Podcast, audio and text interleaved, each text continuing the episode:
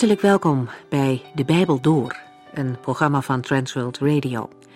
De Bijbel Door is een radioserie die u in vijf jaar meeneemt door de hele Bijbel. Van Genesis 1 tot Openbaring 22.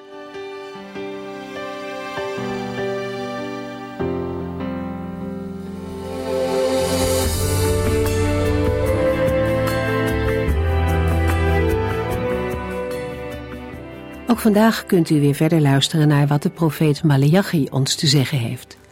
We hadden het de vorige keer over een onderwerp dat vaker in de Bijbel naar voren komt: de voorspoed van de mensen die zonder God leven. Het is goed om de tijd waarin Malachi profeteerde in het achterhoofd te houden bij deze verse. Malachi trad op in de jaren na de ballingschap in Jeruzalem. Een deel van de Israëlieten was teruggekeerd, maar na de eerste vreugde daarover kwam er een tijd van hard werken en tegenslag. Het leven was niet zo makkelijk. Het land vloeide nog niet over van melk en honing. Er was tegenstand vanuit andere volken, kortom voldoende zaken om ontmoedigd te raken. In zo'n situatie, wanneer alles dus niet lekker loopt, komen er vragen en twijfels. Men vraagt zich af of het wel de moeite loont om de Heerde te dienen om maar door te gaan met offeren en vasten en gehoorzamen aan de wet van God. Want, zegt men, kijk nou eens naar degenen die zonder God leven. Ze hebben maar een mooi en makkelijk leven. En daarbij gaat het ook om mensen uit Gods volk die God niet dienen. Ze zijn hoogmoedig en ze beslissen zelf over hun leven. Ze gaan voorbij aan hun schepper en het recht dat hij op hun leven heeft. Zelf zeggen ze wel gelovig te zijn, maar ze houden geen rekening met God in hun dagelijks leven. Daarmee hebben ze niet begrepen waar het echt om gaat. De Heere wil in een relatie met zijn volk leven. Hij wil dicht bij ons zijn, maar hij kijkt ook naar uit dat wij dicht bij hem leven. Dat wij zijn hart leren kennen. En dat gaat veel verder dan die aardse voorspoed. Dat is ook wat Job ontdekte. Hij kwam zo onder de indruk van wie de Heer eigenlijk was, dat al zijn vragen er niet meer toe deden. Het was genoeg om die Heere te kunnen kennen. We gaan kijken hoe het verder gaat in dit gesprek met de Heere en zijn volk. Malachi 3.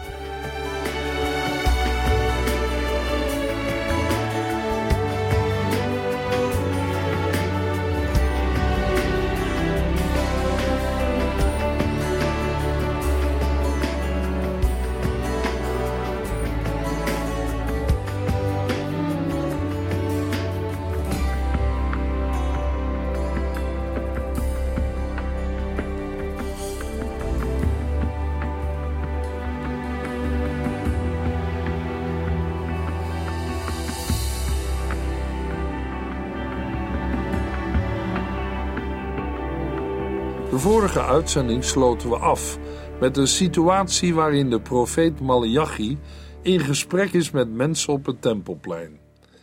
Ze hebben moeite met mensen die bij de dienst van God helemaal geen belang hebben. De tempelgangers waarmee Malachi in gesprek is, vragen zich af wat voor nut het heeft om de Here te dienen.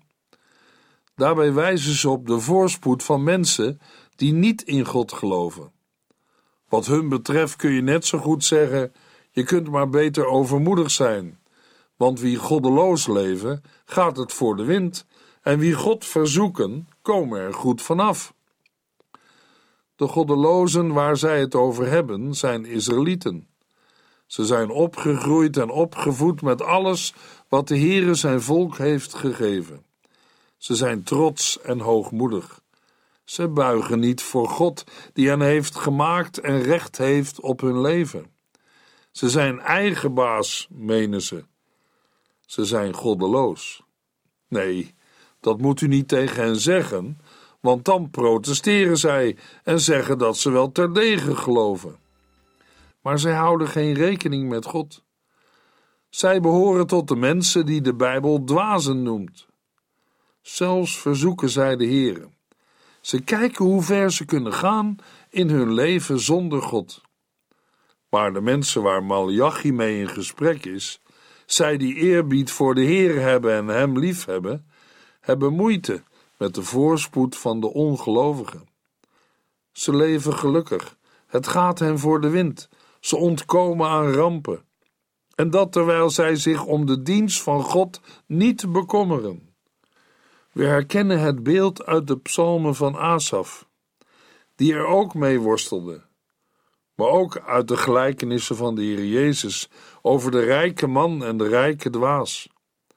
Het zou zelfs kunnen dat wij het herkennen uit onze eigen omgeving of ons eigen leven. Ook vandaag raken mensen stap voor stap verder van God en zijn dienst vandaan. Mensen die mogelijk zeggen: Het gaat toch goed? Of we worden toch rijk gezegend? Maar als je vraagt: Waar is God in uw leven? dan halen zij de schouders op en vragen: God, welke bedoel je? Vergeleken met de mensen van vers 15 komen degenen die in vers 14 aan het woord zijn er heel wat beter af. Zij tekenen hun eigen beeld. Ze zijn meelevende gelovigen. Zij vervullen de verplichtingen die de dienst van de Heere met zich meebrengt. Zij verschijnen voor Gods ogen en beseffen dat het heilige ogen zijn. Dat ziet u aan hun kleding. Ze gaan in het zwart als teken van rouw en berouw over hun zonde. Uiterlijk is er niets op hen aan te merken. Maar als we naar de binnenkant kijken, en dat maken zij zelf openbaar met de woorden uit vers 15, dan ziet het er heel anders uit. In vers 15 zeggen zij dat je maar beter overmoedig kunt zijn. Want wie goddeloos leven, gaat het voor de wind. En wie God verzoeken, komen er goed vanaf. Daarmee laat de Heere zien om welke mensen het gaat en wat er achter de godsdienstige buitenkant schuil gaat. Ze willen wel geloven, maar alleen als zij er beter van worden. Zij willen wel dienen, maar dat moet wel iets opleveren. Het is hen niet om de Heere te doen. Zij zijn van mening dat als zij hun verplichtingen nakomen, het tussen hen en de Heere goed is.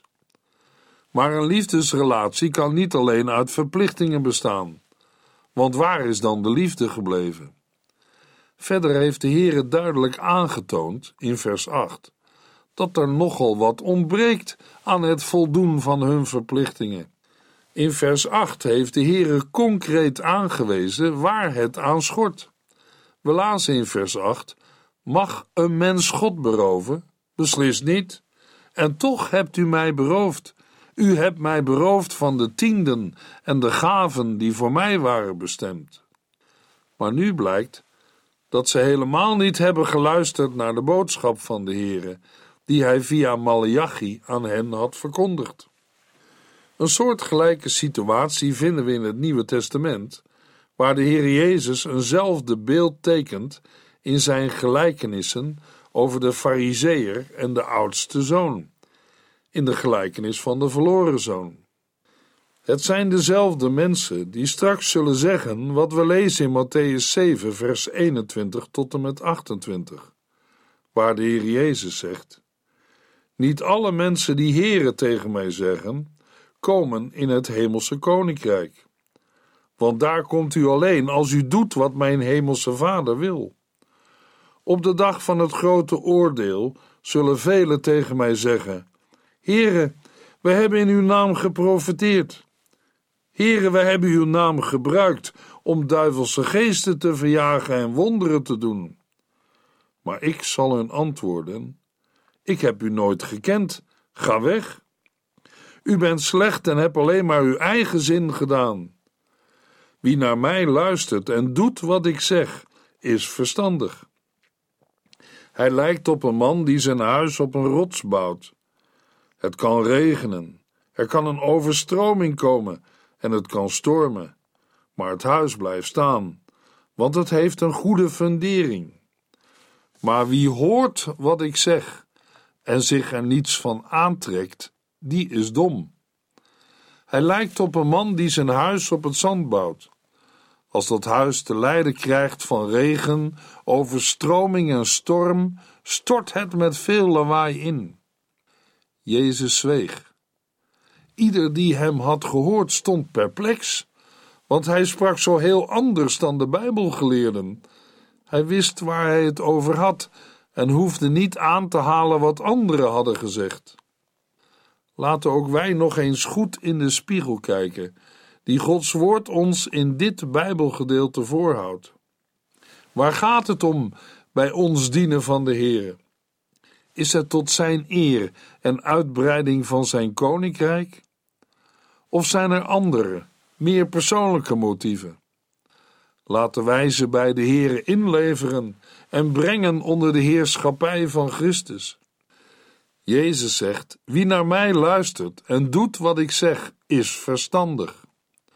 Luisteren wij naar de Heer Jezus en doen wij wat Hij zegt? Malachi 3, vers 16. Zij die eerbied voor de Heer hebben en Hem liefhebben, zeggen tegen elkaar: Toch bemerkte de Heer het en hoorde het. En Hij heeft een gedenkboek waarin de namen worden opgeschreven van de mensen die eerbied voor Zijn naam hebben en aan Hem denken. Uit vers 16 blijkt dat er nog een derde groep mensen is. De groep wordt aangeduid met de woorden: zij die eerbied voor de Heer hebben en Hem lief hebben. Hier loopt de grote scheiding met betrekking tot de gelovigen die in hoofdstuk 3 aan de orde komen. In vers 14 en 15 ging het over Israëlieten die met hun leven duidelijk laten zien dat zij de Heere niet dienen. In vers 15 vinden we een andere groep, namelijk mensen die uiterlijk de Heere dienen, maar er niet met hart en ziel achter staan. Zij zeggen: Je kunt maar beter overmoedig zijn, want wie goddeloos leven, gaat het voor de wind, en wie God verzoeken, komen er goed vanaf. Ze horen niet bij de eerste groep, maar het scheelt niet veel. Tussen deze twee groepen en de derde groep loopt de scheidslijn. Want groep 3 wordt aangeduid als zij die eerbied voor de Heere hebben en hem lief hebben. Ze hebben de Heere en zijn dienst lief gekregen. De Heilige Geest heeft dat in hen bewerkt. Door de Geest van God hebben zij geleerd rekening te houden met God, met zijn heiligheid en oordeel. Zij herkennen zichzelf in de woorden van David in Psalm 19, vers 8 tot en met 15, waar we lezen: De wet van de Heer is volmaakt en goed, zij verandert ons leven. De woorden van de Heer zijn altijd betrouwbaar, ze geven wijsheid aan de onwetende. Het bevel van de Heere is een vreugde voor ons hart. Het gebod van de Heer is zuiver en geeft ons duidelijk inzicht. Het ontzag voor de Heer is rein en blijft altijd bestaan. De voorschriften van de Heere bevatten louter waarheid. Ze zijn altijd rechtvaardig. Ze zijn veel kostbaarder dan goud en zoeter dan de zuiverste honing, vers uit de raad. De knecht van God neemt ze ernstig en leert ervan. Het houden ervan levert de rijkste beloning op. God, vergeef mij ook mijn onbewuste zonde, want wie kent al zijn fouten? Ik ben uw dienaar, heren. Bewaar mij voor overmoedigheid. Geef dat hij geen kans krijgt in mijn leven. Dan kan ik pas echt naar uw wil leven en zal ik niet zondigen. Ik bid u, heren, dat alles wat ik zeg met mijn mond en denk in mijn hart naar uw wil mag zijn. Heren, u bent mijn rots en mijn bevrijder. Zij die eerbied hebben voor de Heere, hem liefhebben en dienen, geldt dat zij dat doen om wie de Heere zelf is. Zeker, ook in hun leven zijn er wel eens bange vragen over de voorspoed van de goddelozen en de tegenslagen van de rechtvaardigen. We lazen al eerder over zulke vragen en worstelingen bij Asaf in Psalm 73. Asaf beleidt dat de Heere goed is voor Israël. Maar onmiddellijk daarachteraan komen woorden die laten zien dat Asaf bijna het rechte pad had verlaten. Waarom? Om de voorspoed van de ongelovigen. Zonder zorgen worden zij alleen maar rijker en rijker. Voor niets heb ik zuiver geleefd, mij ver gehouden van onrecht. Maar de Heere laat Asaf zien dat er voor ongelovigen geen toekomst is. We lezen in Psalm 73, vers 17: Maar uiteindelijk ging ik Gods huis binnen en zag hoe het met de ongelovigen afliep. Asaf gaat met zijn worstelingen naar de Here. En zo gaat het met al Gods kinderen. Soms na een periode van donkerheid of opstand. Maar zij komen ermee bij God. En bij de Here zien zij wie zij zelf zijn. Mensen die niets verdiend hebben. In Psalm 73, vers 21 tot en met 26 zegt Asaf: Toen bitterheid in mijn hart opkwam en ik opstandig en geprikkeld was, reageerde ik als een dwaas zonder inzicht. Ik gedroeg mij onredelijk tegenover u. Toch zal ik altijd bij u blijven. U houdt mij stevig vast. Door uw raadgevingen zal ik mij laten leiden. En wanneer ik eenmaal sterf, mag ik in uw heerlijkheid bij u komen. Wie of wat heb ik buiten u nog nodig? Als ik u heb, heb ik verder niets nodig en verlang ik niets meer, nog op aarde, nog in de hemel. Al zou ik geestelijk en lichamelijk bezwijken, mijn hart vertrouwt op God. Hij is mijn rots, voor eeuwig houdt Hij mij vast zij die eerbied voor de Heere hebben en hem lief hebben zeggen. Toch bemerkte de Heer het en hoorde het. En hij heeft een gedenkboek waarin de namen worden opgeschreven van de mensen die eerbied voor zijn naam hebben en aan hem denken. Als zij dan met elkaar spreken, dan troosten zij elkaar met de wetenschap dat God hen kent en dat hij hen niet vergeet. De Heer heeft immers een gedenkboek dat open ligt voor zijn ogen en dat geschreven is ten behoeve van hen die eerbied voor zijn naam hebben en aan hem denken. We gaan nog even door op het gedenkboek van de Heer. De aanduiding maakt duidelijk dat God de zijne niet vergeet. De mensen in de dagen van Malachi begrepen goed wat ermee werd bedoeld. Ook koningen hadden zo'n gedenkboek of jaarboek. Als voorbeeld denk ik aan koning Ahasveros, de man van koningin Esther uit het gelijknamige Bijbelboek. In Esther 6, vers 1 lezen we: Die nacht kon de koning niet in slaap komen. Daarom besloot hij zich wat te laten voorlezen. Hij vroeg om de jaarboeken met de geschiedenis van zijn koninkrijk. Dankzij het feit dat Aosferos zo'n boek had en dat alles daarin werd opgeschreven, werd hem in herinnering gebracht wat Mordechai, de oom van Esther, gedaan had, en kon hij die daad alsnog belonen. Zo heeft de Heere ook een gedenkboek. De Bijbel spreekt er meermalen over. Als Mozes na de zonde van Israël met het gouden kalf zichzelf aanbiedt in plaats van het zondige volk, bidt hij in Exodus 32, vers 32: Alsjeblieft, vergeeft u hun hun zonde, en zo niet, verwijder mijn naam dan uit het boek dat u hebt geschreven. In Psalm 56 zingt David dat de Heere elke traan kent die hij stort. Alles staat immers in uw boek. En in het Nieuwe Testament zegt de Heer Jezus tegen zijn leerlingen, die met enthousiaste verhalen terugkomen van een zendingstocht, dat zij niet zozeer blij moeten zijn over het feit dat de boze geesten doen wat zij zeggen, maar over het feit dat hun namen in de hemel geregistreerd staan. Dat is beslissend. En als wij aan onszelf denken, dan is de vraag: staat uw, jouw en mijn naam in het gedenkboek van God?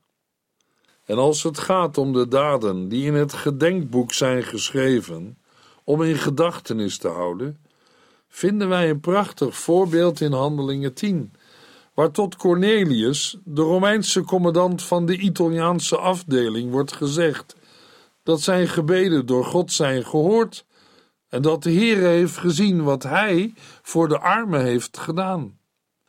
De profeet Malachi zegt in Malachi 3 vers 16: Zij die eerbied voor de Heere hebben en hem liefhebben, zeggen tegen elkaar: Toch bemerkte de Heer het en hoorde het. En hij heeft een gedenkboek waarin de namen worden opgeschreven van de mensen die eerbied voor zijn naam hebben en aan hem denken. Als straks de boeken opengaan, zo vertelt de Heer Jezus in de gelijkenis van het laatste oordeel in Matthäus 25. Dan zullen zij stom verbaasd zijn als zij horen voorlezen hoe de Heere hun daden in gedachtenis heeft gehouden. En ze zullen vragen: Wanneer hebben wij dat gedaan? U te eten en te drinken gegeven. Zijn zij het vergeten? Maar de Heere niet. Al wat gedaan werd uit liefde tot Jezus, dat houdt zijn waarde en zal blijven bestaan. Malachi 3, vers 17 en 18. Zij zullen van mij zijn, antwoordt de Heere van de hemelse legers, op de dag waarvoor ik voorbereidingen zal treffen. En ik zal hen sparen, zoals iemand zijn gehoorzame plichtsgetrouwe zoon spaart. Dan zult u het verschil zien tussen de rechtvaardige en de goddeloze, tussen degene die God dient en hij die dat niet doet. Het is niet te vergeefs om God te dienen. Dat is het antwoord dat de Heer aan het vragende en klagende volk op het tempelplein geeft. Hij voegt er zelf nog iets aan toe om verdere vragen de pas af te snijden. De Heere die onze gedachten kent, weet wat de mensen op het tempelplein denken, namelijk: Ik zie er niets van. In vers 18 lezen we: Dat klopt, maar er komt een tijd, dan zult u het verschil zien tussen de rechtvaardige en de goddeloze, tussen degene die God dient en hij die dat niet doet. Nu ziet u het nog niet, maar straks wel. Vers 17: Op de dag waarvoor ik voorbereidingen zal treffen. Dan wordt de scheiding voltrokken en is het duidelijk waar de scheidslijn zal lopen tussen de mensen die de Here dienen en de mensen die de Here niet dienen. Dankzij het gedenkboek zal God precies weten wie aan welke kant hoort te staan. En het zal geen vraag meer zijn of het zin had de Here te dienen. In Malachi 4 wordt dat nog wat verder uitgewerkt.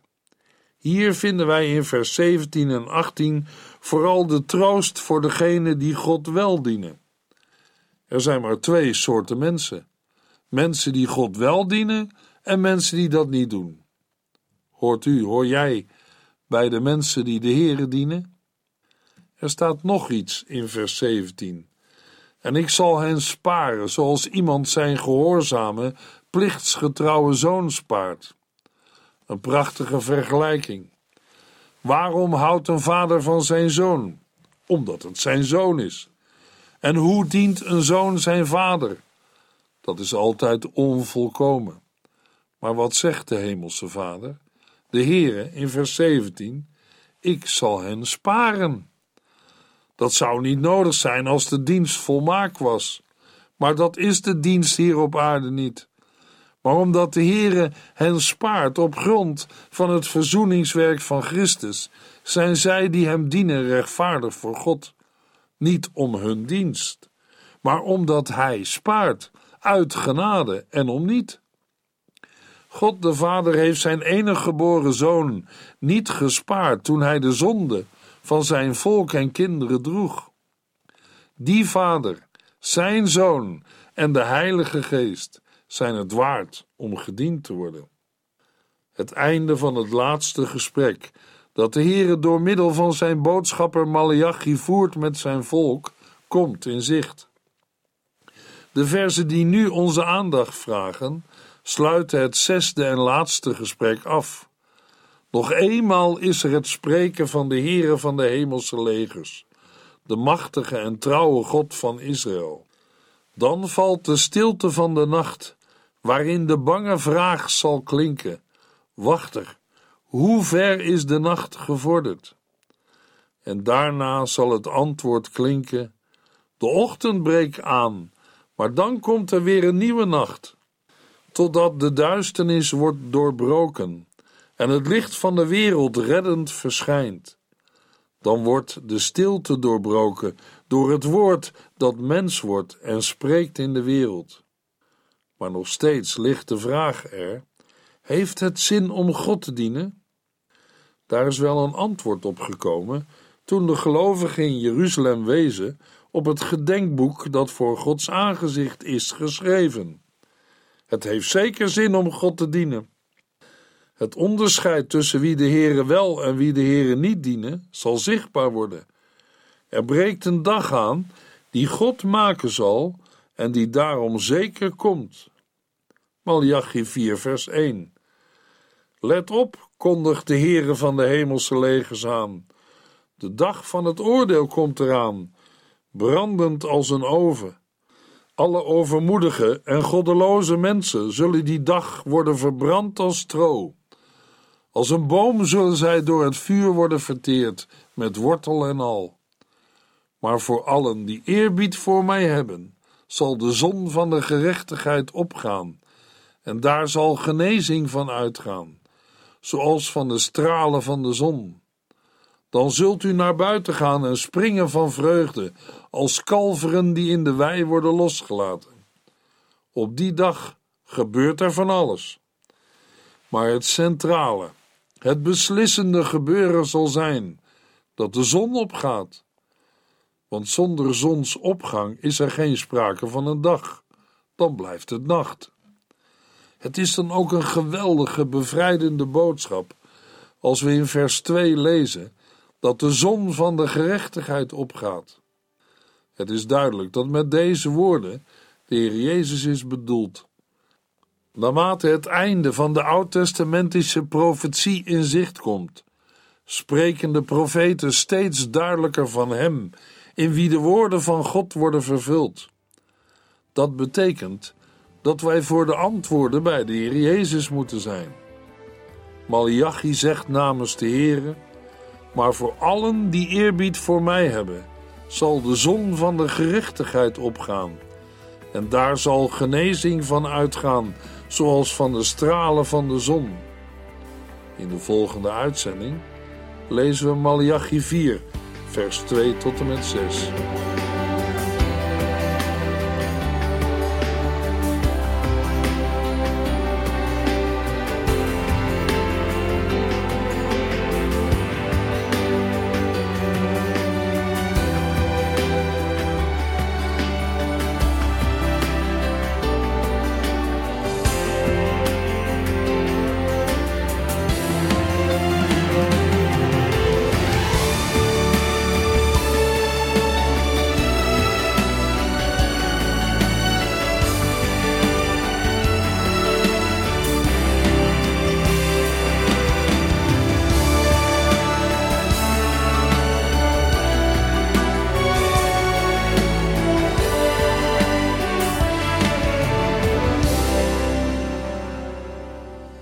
Geluisterd naar De Bijbel Door. In het Nederlands vertaald en bewerkt door Transworld Radio. Een programma waarin we in vijf jaar tijd de hele Bijbel doorgaan. Als u wilt reageren op deze uitzending of u heeft vragen, dan kunt u contact met ons opnemen. Tijdens kantooruren kunt u bellen op 0342 47 8432. 0342 47 8432. 32. Ook kunt u een e-mail sturen naar de Bijbel door transworldradio.nl en natuurlijk kunt u ook via de post ons bereiken. TWR, postbus 371, postcode 3770, AJ in Barneveld. Dit programma werd gepresenteerd door Cor Weda en Ike André. Techniek was in handen van Odin van Woerdenkom. En namens ons allemaal bedanken we u van harte voor het luisteren.